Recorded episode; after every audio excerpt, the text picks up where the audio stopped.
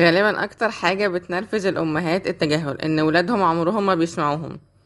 هو أنا كم مرة المفروض أقول الكلام عشان يتنفذ مش ده اللي بنقوله دايما؟ إني كأم أتعلم إزاي أبقى واضحة وحازمة في طريقة كلامي ده هيوفر عليا مجهود كبير جدا. وفي نفس الوقت هيقلل إحباطي وغضبي من ولادي.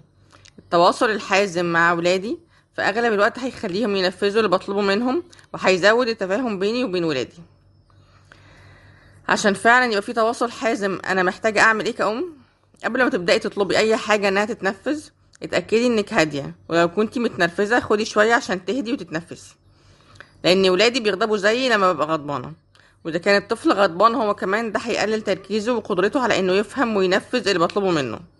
فهدوئي هو في الآخر طريقة عشان ولادي يبقوا هادين ويسمعوا وينفذوا اللي بقوله هيوفر عليا التكرار والغضب بعد كده من عدم التنفيذ. يبقى واحد اتأكدت إني بتكلم بهدوء. تاني حاجة خلي الطفل يقفل التلفزيون أو يوقف الموسيقى أو اللعب عشان يقدر يسمعني ويركز معايا. ولو في مح... أو لو في مجموعة محتاج أخد ابني أو بنتي على جنب بعيد عن التجمع ده. النقط اللي قلناها دي دول عبارة عن تمهيد للتواصل الحازم. التواصل الحازم عبارة عن أربع خطوات. هو بسيط جدا وفعلا بيجيب نتيجة. الخطوة الأولانية إني أقول مشاعري. ببساطة هقول لولادي أنا بحس بإيه لما بيتصرفوا بالطريقة دي. ساعات تصرفاتنا بتبقى مش مفهومة للطفل فبيستمر في تجاهلنا. من وجهة نظر الطفل أنا بجري عادي أنا مش فاهم هي دي متعصبة.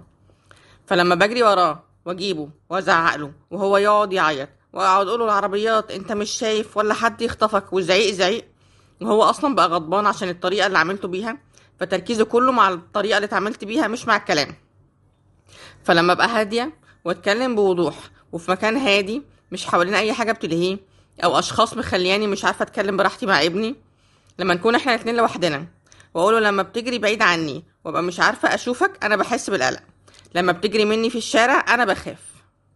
أنا بحس بالإحراج لما بنبقى في السوبر ماركت وتقعد تصرخ وتعلي صوتك. أنا شرحت له مشاعري عشان يفهم. وعلى فكرة شرح المشاعر ده أصلا مهم بالنسبة للطفل لأنه بيبني عنده تعريفات للمشاعر. كتير مننا وإحنا كبار كده نحس بمشاعر ومنبقاش عارفين نوصفها. لاننا ما اتعلمناش ده وإحنا صغيرين وما شفناش حد بيعمل ده معانا. فأول خطوة هقول مشاعري. تاني خطوة هوضح المشكلة بطريقة مبسطة من غير إهانة أو لوم أو افتراضات الطفل بيعمل كده ليه. أنا بس عايزة أوضح له فين المشكلة. فالجملة هتكون كالآتي. لما بتجري مني في الشارع أنا بخاف تتوه أو عربية تخبطك. لما بتجري بعيد عني وابقى مش عارفة أشوفك أنا بحس بالقلق أحسن تتوه أو حد يخطفك. أنا كنت حاسة بالقلق عشان ما اتصلتش تطمني عليك لما اتأخرت وهكذا. يبقى أول حاجة بوصف مشاعري وبعدين بقول المشكلة والسبب اللي ورا الشعور ده. الخطوة التالتة أحدد إيه اللي أنا عايزاه بالظبط من ابني أو بنتي إنهم يعملوه.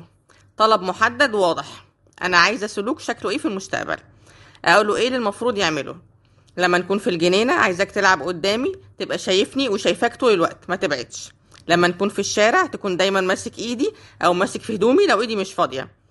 اللعب بتاعتك تتلم في الصندوق بعد ما تخلص لعب. لو هتتأخر عن الساعة الفلانية تتصل تقولي. وهكذا. طلب محدد للسلوك اللي عايزاه يتعمل. الخطوة الرابعة أنا عايزة أفهم ولادي إيه اللي هيترتب على عدم تنفيذ الحاجة اللي بطلبها. يعني مثلا لو فضلت تجري بعيد وإحنا في الجنينة هاخدك ونروح. فالجملة على بعضها هتكون كالآتي لما بتجري بعيد عني وأبقى مش عارفة أشوفك أنا بحس بالقلق. أحسن تدوه أو حد يخطفك. فلو سمحت لما نكون في الجنينة عايزاك تلعب قدامي تبقى شايفني وشايفاك طول الوقت ما تبعدش. ولو فضلت تجري بعيد هاخدك ونروح البيت. أنا كنت هادية عبرت عن مشاعري فهمته أنا بقول كده ليه؟ إديته طلب واضح واديته نتيجة واضحة لعدم تنفيذ الطلب ده. ده اسمه تواصل حازم.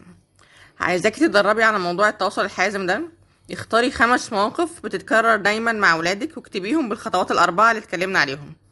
زي ما قلنا إن يبقى في دماغك سيناريو للي عايزاه يحصل هيكون أسهل عليكي خصوصا في المواقف اللي بتتكرر دايما معاكي. عايزاكي تلاحظي إحساسك إيه لما تواصلتي مع ولادك عن مشاعرك. وتلاحظي برضو هل الطفل ابتدى يستجيب بشكل مختلف لما اديتيه معلومات واضحة عن الموقف سواء مشاعري أو إيه السلوك اللي أنا متوقعة منه؟ هل غضبك قل شوية لأنك حسيتي إنك اتسمعتي؟ ابتدي اكتبي كل ده عشان تقدري تلاحظي الفرق بعد شوية وتقدري تشوفي التحسن اللي حصل في علاقتك بولادك ومشاعرك ناحيتهم.